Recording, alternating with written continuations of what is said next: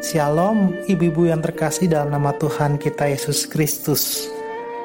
Dalam kebaktian Komisi Pelayanan Perempuan Rabu 27 Mei 2020 di saat melakukan himbauan dari pemerintah karena pandemi COVID-19 ini maka kita akan melakukan ibadah secara mandiri melalui media audio ini.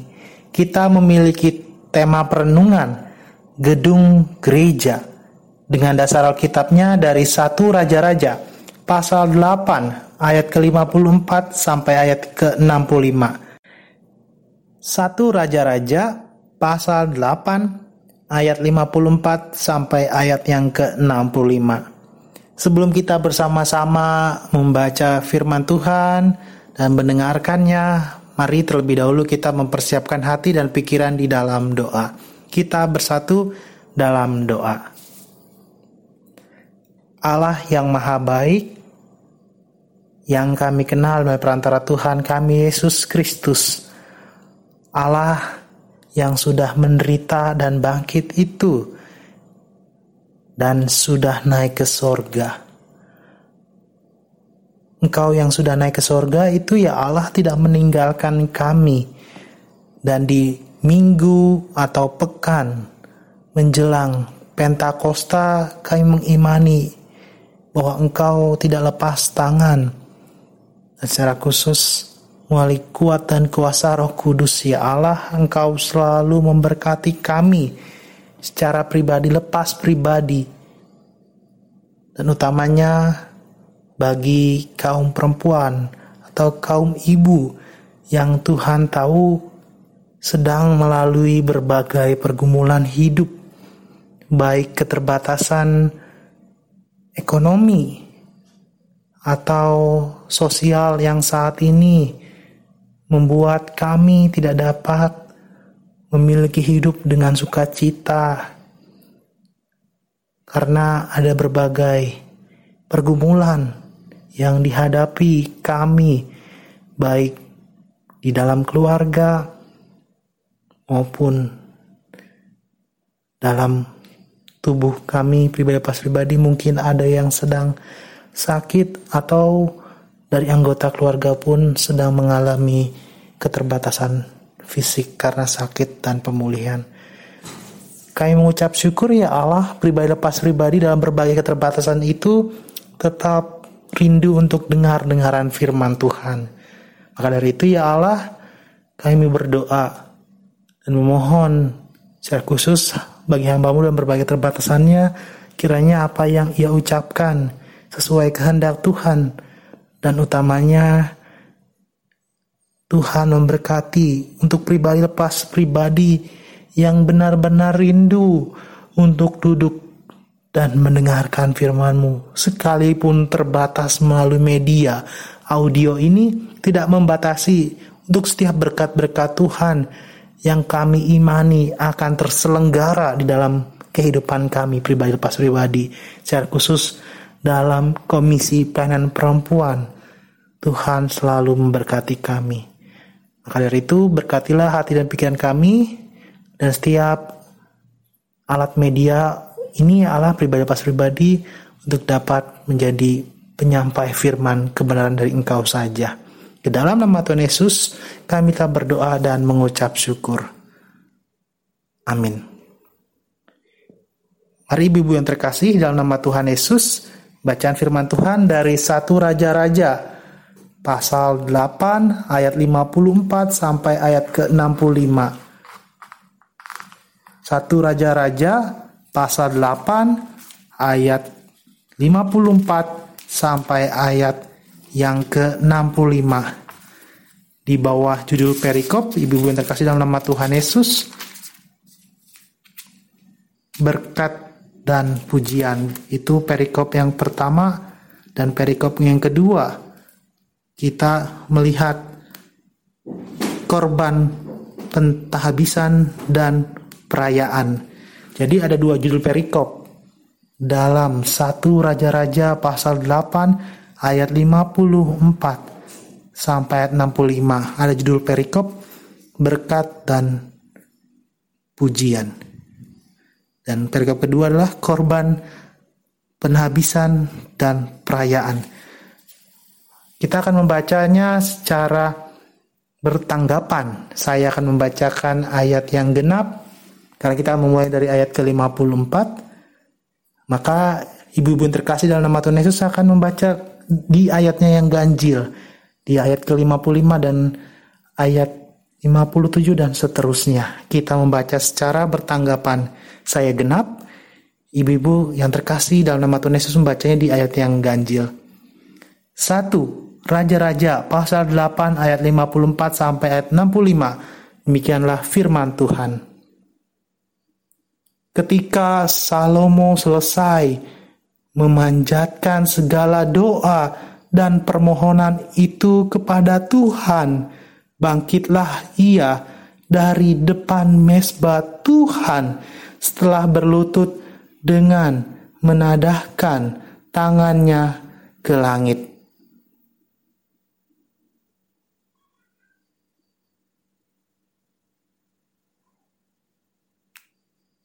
Terpujilah Tuhan yang memberikan tempat perhentian kepada umatnya Israel, tepat seperti yang difirmankannya dari segala yang baik yang telah dijanjikannya dengan perantara Musa, hambanya. Tidak ada satupun yang tidak dipenuhi.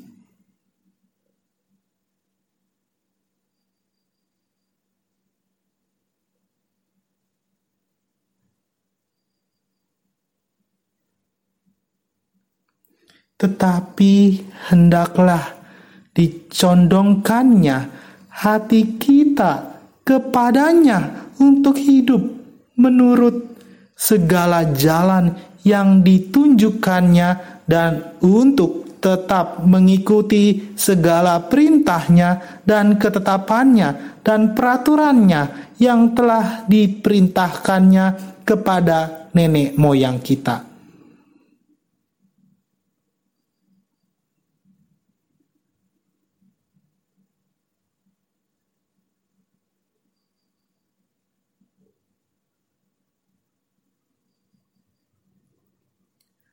Supaya segala bangsa di bumi tahu bahwa Tuhanlah Allah dan tidak ada yang lain.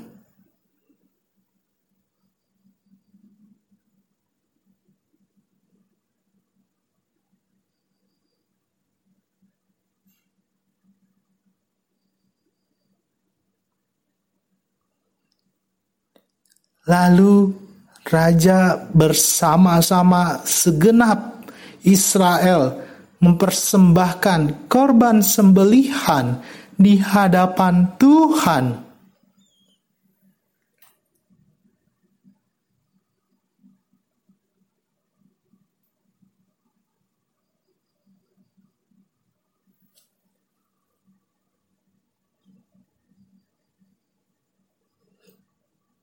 Pada hari itu juga raja menguduskan pertengahan pelataran yang di depan rumah Tuhan. Sebab di situlah ia mempersembahkan korban bakaran, korban sajian dan segala lemak korban keselamatan. Sebab mesbah tembaga yang di hadapan Tuhan itu terlalu kecil untuk memuat korban bakaran dan korban sajian dan segala lemak korban keselamatan itu.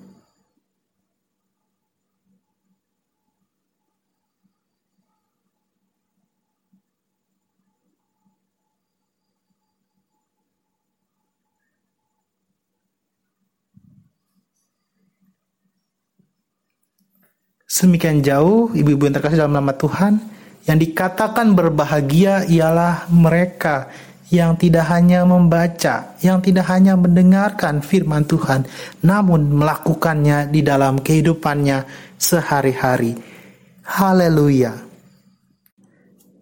Ibu-ibu yang terkasih dalam renungan Komisi Penan Perempuan Rabu 27 Mei 2020 tadi kita memiliki tema gedung gereja. Gedung gereja dengan dasar Alkitabnya yang bersama-sama kita baca secara responsoria. Di sana dijelaskan ada proses pembangunan bait Allah yang dilakukan oleh seorang raja bernama Salomo bersama satu bangsa Israel. Nah, ibu-ibu yang terkasih, memang kita sudah mengetahui bagaimana proses atau pernah mendengar kisah pembangunan bait Allah itu. Nah, kira-kira ibu yang terkasih, kita perlu kembali mengetahuinya. Secara khusus dalam kitab Raja-Raja ini, khususnya satu Raja-Raja, rentan waktunya sekitar tahun 130 sejak bangkitnya Salomo sampai kematiannya. Nah, kira-kira itu ibu-ibu yang terkasih, jadi sekitar 130 tahun kira-kira ini yang dalam tafsirannya satu raja-raja dan kemudian memiliki latar belakang baik dalam satu maupun dua Samuel ini dimulai dengan mencatat naiknya Salomo pada kursi kerajaan setelah kematian Daud. Cerita dimulai di dalam kerajaan yang bersatu namun berakhir dalam sebuah bangsa yang terpecah menjadi dua kerajaan yang dikenal sebagai Yehuda dan Israel.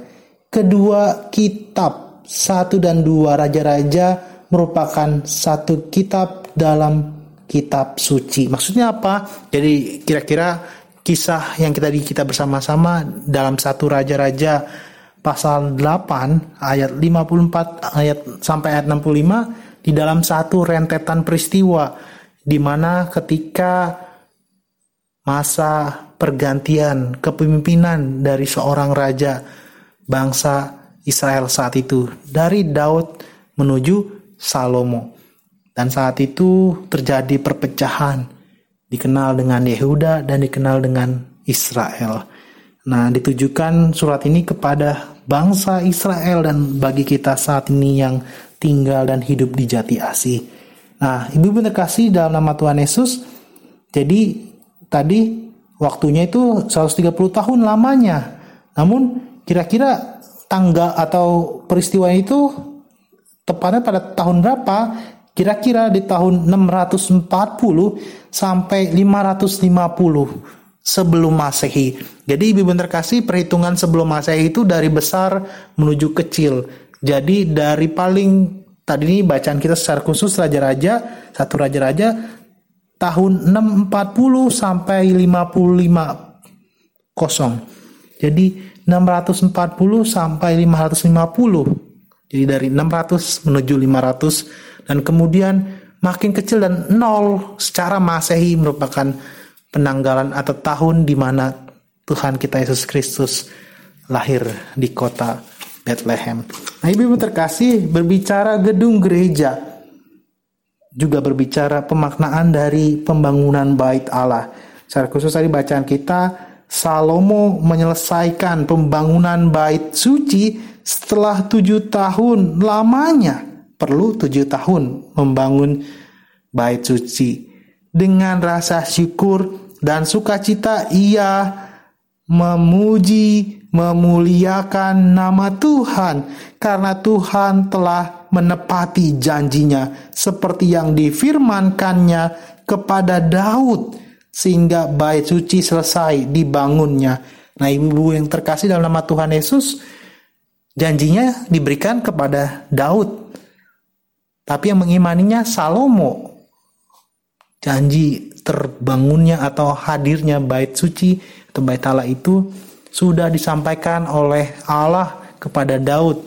Namun diselesaikan oleh Raja Salomo. Nah, Ibu-ibu terkasih, Salomo menaikkan syukur kepada Tuhan bagi bangsanya dan berharap kepada Tuhan senantiasa untuk terus memelihara setiap hambanya dan umatnya Israel. Ia juga mengingatkan dan mengajarkan bangsanya untuk selalu hidup berpaut kepada Tuhan dengan sepenuh hati dan hidup menurut segala ketetapannya dan tetap mengikuti segala perintahnya. Nah itu ibu terkasih kita melihat dari Raja Salomo dia memuji memuliakan dan berharap terus kepada Tuhan. Tidak hanya sampai situ, dia kemudian dipakai oleh Allah menjadi teladan untuk kemudian mengajak, untuk mendidik dan mengajarkan bangsa Israel untuk selalu percaya kepada Allah, untuk selalu memuji dan memuliakan Tuhan. Makanya tadi kita melihat di ayat ke-60 secara khusus satu Raja-Raja pasal 8 ayat 60 supaya segala bangsa di bumi tahu bahwa Tuhanlah Allah dan tidak ada yang lain. Ini salah satunya di ayat 60 Raja Salomo sedang memuji, sedang memuliakan Tuhan bahwa ia adalah satu-satunya. Dia begitu baik dan layak untuk dipuji. Tidak ada Allah yang lain. Dan diajak lagi di ayat 61 dan hendaklah kamu berpaut kepada Tuhan Allah kita dengan sepenuh hatimu dan dengan segenap hidupmu. Di ayat 61 satu Raja-Raja pasal 8 ayat 61 kita diajak untuk berpaut. Apa itu berpaut? Berpaut adalah suatu kondisi kita memang hanya tertuju kepada Tuhan, hanya tergantung kepada Tuhan. Tidak boleh hidup kemudian jauh dari kehendak Tuhan. Apa hasilnya? Ini dipakai secara luar biasa Salomo. Ya dia kan raja. Sekalipun dia raja, ibu-ibu yang terkasih, tadi ada pergumulan. Dia membangun bait suci itu selama berapa tadi? Tujuh tahun. Lama. Apakah sulit? Tentu sulit. Bukankah mudah? Dia kan raja. Tapi sekali lagi kondisi bangsa Israel atau saat itu sedang terpecah. Ada Yehuda dan Israel. Makanya sedang ada konflik, ada perpecahan. Namun Raja Salomo dipakai Allah untuk membangun bait suci. Begitu juga kita juga mengimani bait suci itu hadir dalam bentuk gereja, dalam bentuk gedung gereja. Wujudnya itu Salomo dipakai untuk kemudian dengan bait suci setiap orang bersatu untuk berpaut kepada Allah. Kita pun saat ini tetap diingatkan dan diajak untuk berpaut kepada Allah secara khusus melalui wujudnya di gedung gereja. Tentu memang sulit saat ini apalagi dengan pembatasan sosial berskala besar karena pandemi COVID-19 ini, ibu-ibu terkasih mungkin sudah dan tentu sudah rindu untuk bersekutu, untuk memuliakan dalam gedung gereja Tuhan Allah yang maha baik itu. Tapi sekali lagi, kita kembali harus mengikuti himbauan dari pemerintah, dari majelis sinode, majelis jemaat GKP Jati Asih bukan hal yang baru.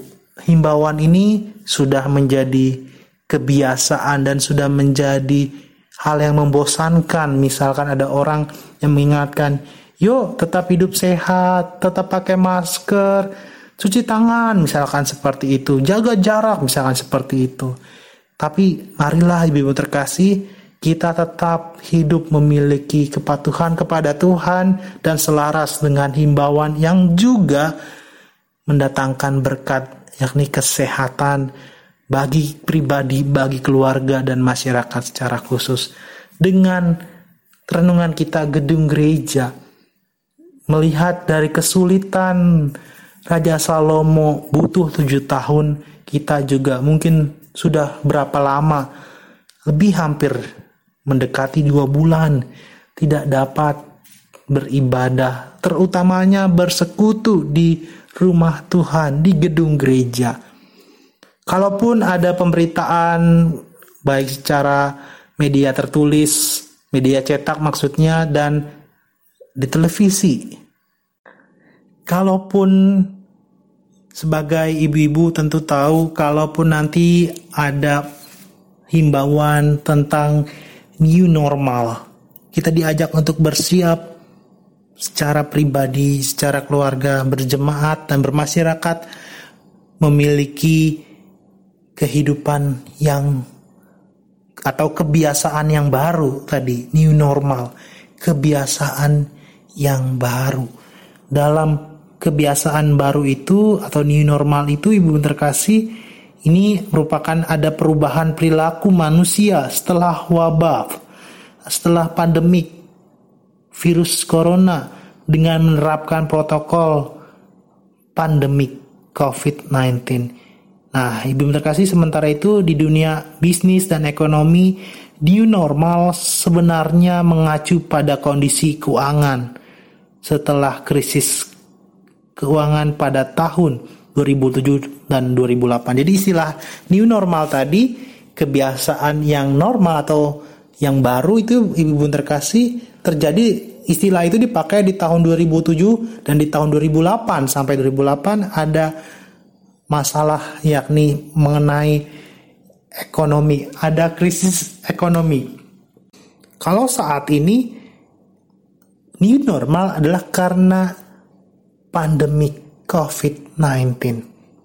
Tentu dalam himbauan baik yang diberikan oleh wali kota Bekasi maupun jajaran pemerintahan lainnya ada harapan dengan new normal itu pemulihan ekonomi melalui lima fase. Waduh, fase pertama, fase kedua, ketiga, keempat sampai kelima itu merupakan tahapan untuk kemudian mengetahui hidup kebiasaan yang baru itu atau new normal itu apakah bisa membatasi penyebaran dari COVID-19 ini atau bahkan menjadi penyebaran nanti makanya akan dievaluasi pada fase kelima atau kira-kira di tanggal 20 dan 27 Juli 2020. Jadi akan dilakukan evaluasi. Sekalipun orang sudah new normal, sekalipun orang sudah memiliki kebiasaan hidup berjarak baik di tempat umum maupun di tempat khusus misalnya gereja. Setiap orang harus tetap memiliki protokol kesehatan Maksudnya new normal itu seperti apa? Ibu-ibu mungkin sudah mengetahui biasanya bebas misalnya bersekutu duduknya sebelah kanan misalnya suami atau dengan anak-anak atau dengan keluarga lainnya. Tapi saat ini enggak harus berjarak dan mengikuti protokol kesehatan. Nah, kiranya new normal kita tetap patuhi dan lihat apa yang menjadi himbauan kalaupun ada keterbatasan kalaupun ada utamanya kerinduan memiliki kebebasan, tapi saat ini kita tetap diajak untuk memiliki hidup yang mematuhi himbauan. Dan dari himbauan itu merupakan proses yang lama. Ini kira-kira tadi lima fase itu begitu juga dialami oleh Raja Salomo. Dia mengalami tujuh tahun untuk membangun bait suci. Kita pun saat ini dalam pandemik virus corona ini juga mengalami fase yang sudah lama, dua bulan dan tidak tahu sampai kapan ditemukan vaksinnya. Maka dari itu, seperti demikian Raja Salomo butuh tujuh tahun lama, kita pun juga bersama. Kan Salomo membangun bait Allah, kita membangun apa? kita membangun harapan, membangun utamanya persekutuan yang kemudian dapat seperti sedia kala sebelum terjadi COVID ini. Jadi seperti lagu yang mungkin ibu-ibu pernah dengar, gereja bukanlah gedungnya, tetapi orangnya. Inilah yang kita bangun seperti Raja Salomo. Kita punlah orang-orang yang juga dipanggil seperti Salomo, tetap memiliki hidup yang berpaut kepada Tuhan.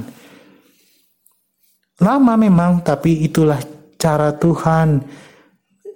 Bagaimana Tuhan rindu melihat setiap umatnya tetap setia dan melakukan setiap kehendaknya. Selamat menjadi Raja-Raja Salomo yang setia membangun bait suci. Sebagai ibu-ibu pun demikian, selamat menjadi para ibu-ibu yang membangun kehidupan yang lebih baik lagi di tengah pandemik virus corona ini. Setiap orang dipanggil Tuhan memang lama, memang butuh waktu, tapi percayalah Tuhan selalu menyertai, Tuhan selalu memberkati. Apalagi kita yang akan menyongsong Pentakosta dari kenaikan sampai pencurahan roh kudus, para murid pun butuh 10 hari menanti kuasa roh kudus. Maksudnya apa? Jadi ketika Yesus naik ke sorga itu, ibu-ibu terkasih, sampai nanti Pentakosta, hari pencurahan roh kudus, ada 10 hari dari hari Kamis, kalau saat ini kita sampai nanti hari Minggu, ada 10 hari itu ada proses. Begitupun juga Salomo butuh proses tujuh tahun. Kita pun saat ini sebagai ibu-ibu, sebagai umat percaya membutuhkan proses untuk kemudian memiliki hidup yang benar-benar berpaut kepada Allah dan tentunya selalu mengucap syukur, berharap terus dengan tidak ada kecewa, tidak ada keluhan, tapi tetap diundang bersuka cita. Bukan hal mudah, tapi kita memiliki Tuhan melalui kuasa Roh Kudus yang akan menguatkan. Selamat menjadi pembangun bait suci dalam kehidupan pribadi lepas pribadi. Tuhan Yesus memberkati kita. Mari ibu-ibu yang terkasih kita membawa setiap pokok-pokok doa. Nanti kita kemudian akhiri dengan doa Bapa kami. Kita bersatu di dalam doa. Allah Bapa yang bertahta di kerajaan sorga. Allah yang sama yang sudah menderita dan bangkit. Dan kami kenal melalui perantara Tuhan kami Yesus Kristus yang telah naik ke sorga dan Allah itu tidak pernah meninggalkan kami. Ia akan mengirimkan roh penolong melalui kuasa roh kudus yang akan dicurahkan di hari Pentakosta yang kami imani sudah terjadi dan akan kami rayakan di hari Minggu. Nanti ya Allah, kami percaya Tuhan tidak lepas dalam kehidupan kami. Secara khusus ya Allah dalam Komisi Pelayanan Perempuan kami telah melakukan kebaktian secara mandiri melalui media audio. Kami telah merenungkan satu tema gedung gereja didasari dari satu raja-raja pasal 8 ayat 54 sampai 65. Kami melihat bagaimana Raja Salomo dalam cerit diceritakan bahwa ia membutuhkan tujuh tahun. Kami juga merenungkan hidup kami pun butuh proses untuk membangun bait Allah. Apa itu bait Allah? Yakni hidup yang berkenan kepada Allah. Tentu bukan hal yang mudah ya Allah secara khusus di tengah pandemik virus corona ya Allah engkau tahu terlebih dengan adanya PSBB. Baik kami yang bekerja sebagai wira swasta atau berdagang ya Allah PSBB tentu memiliki dampak membuat kami sulit untuk berdagang atau mungkin kami yang bekerja di instansi swasta maupun pemerintah. Mungkin dan tentu ada di antara kami yang sudah mengalami pemutusan hubungan kerja ya Allah. Tentu kondisi ini menyesakkan. Tentu kondisi ini di luar harapan kami ya Allah. Namun kiranya seperti Raja Salomo kami pun mau berpaut kepada Engkau dan berproses kepada Engkau. Raja Salomo telah melalui tujuh tahun. Bukan hal yang mudah.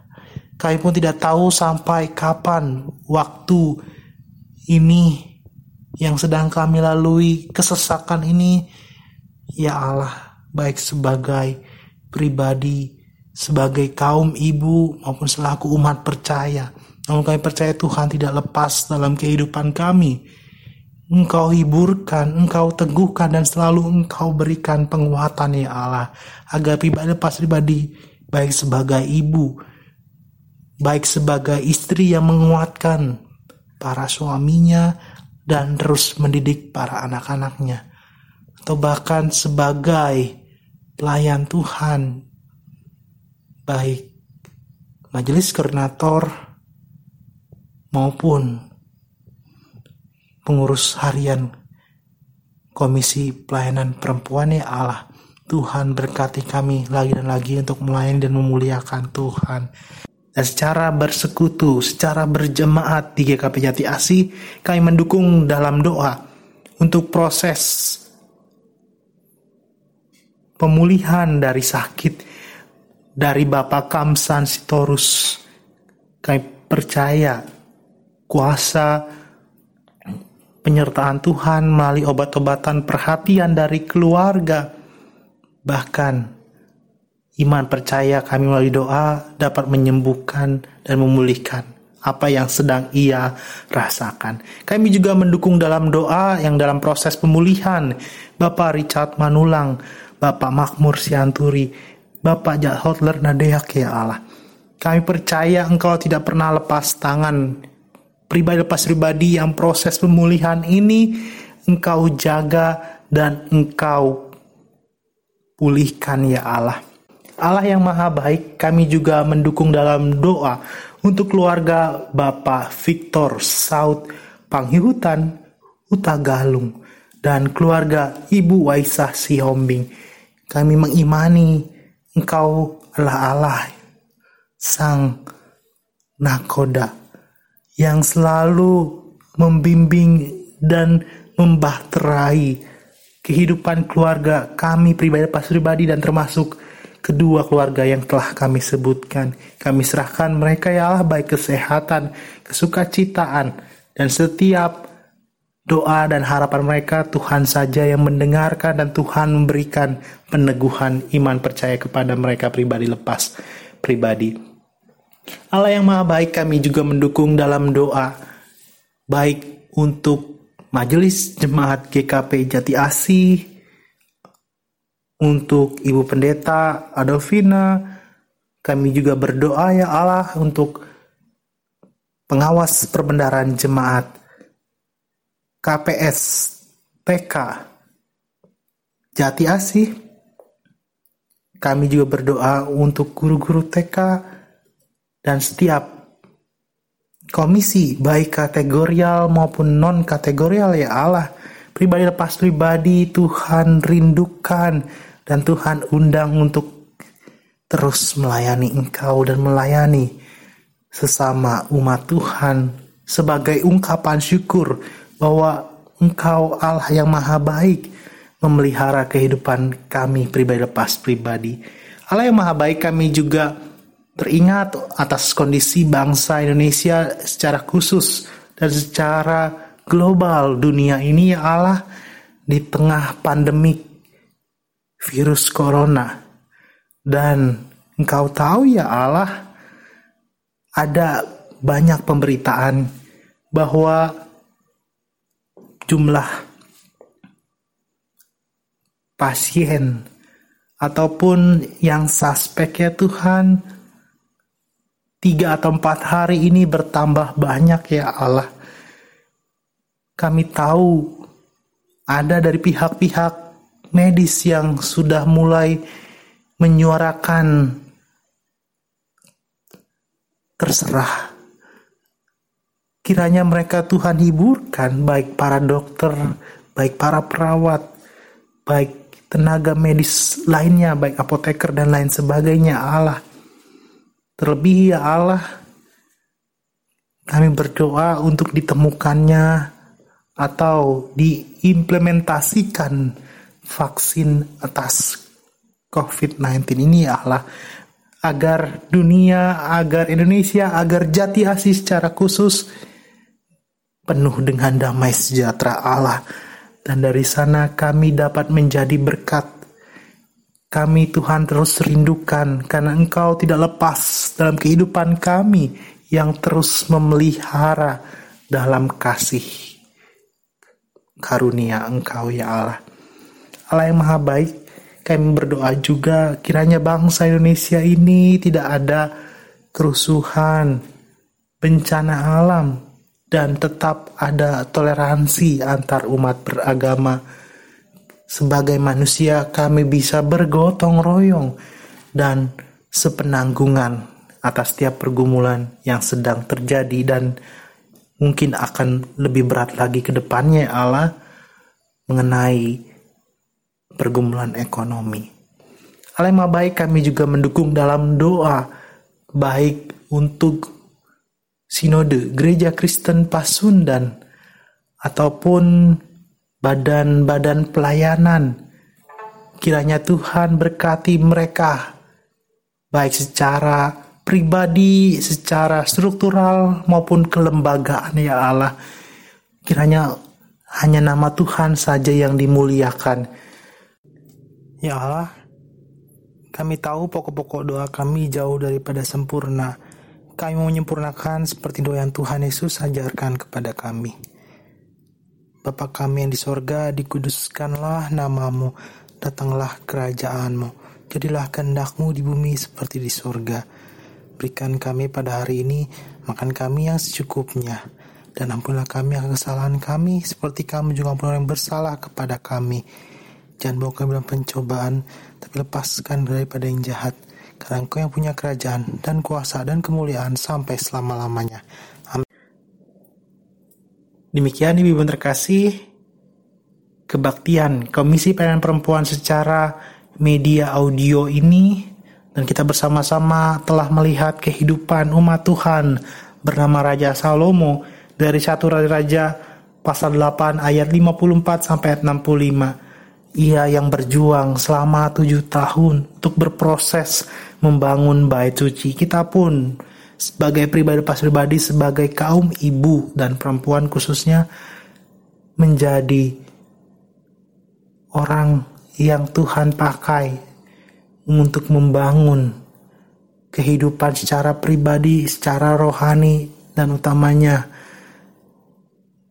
dipakai Tuhan untuk menguatkan suami, anak-anak, maupun masyarakat, maupun kehidupan berjemaat.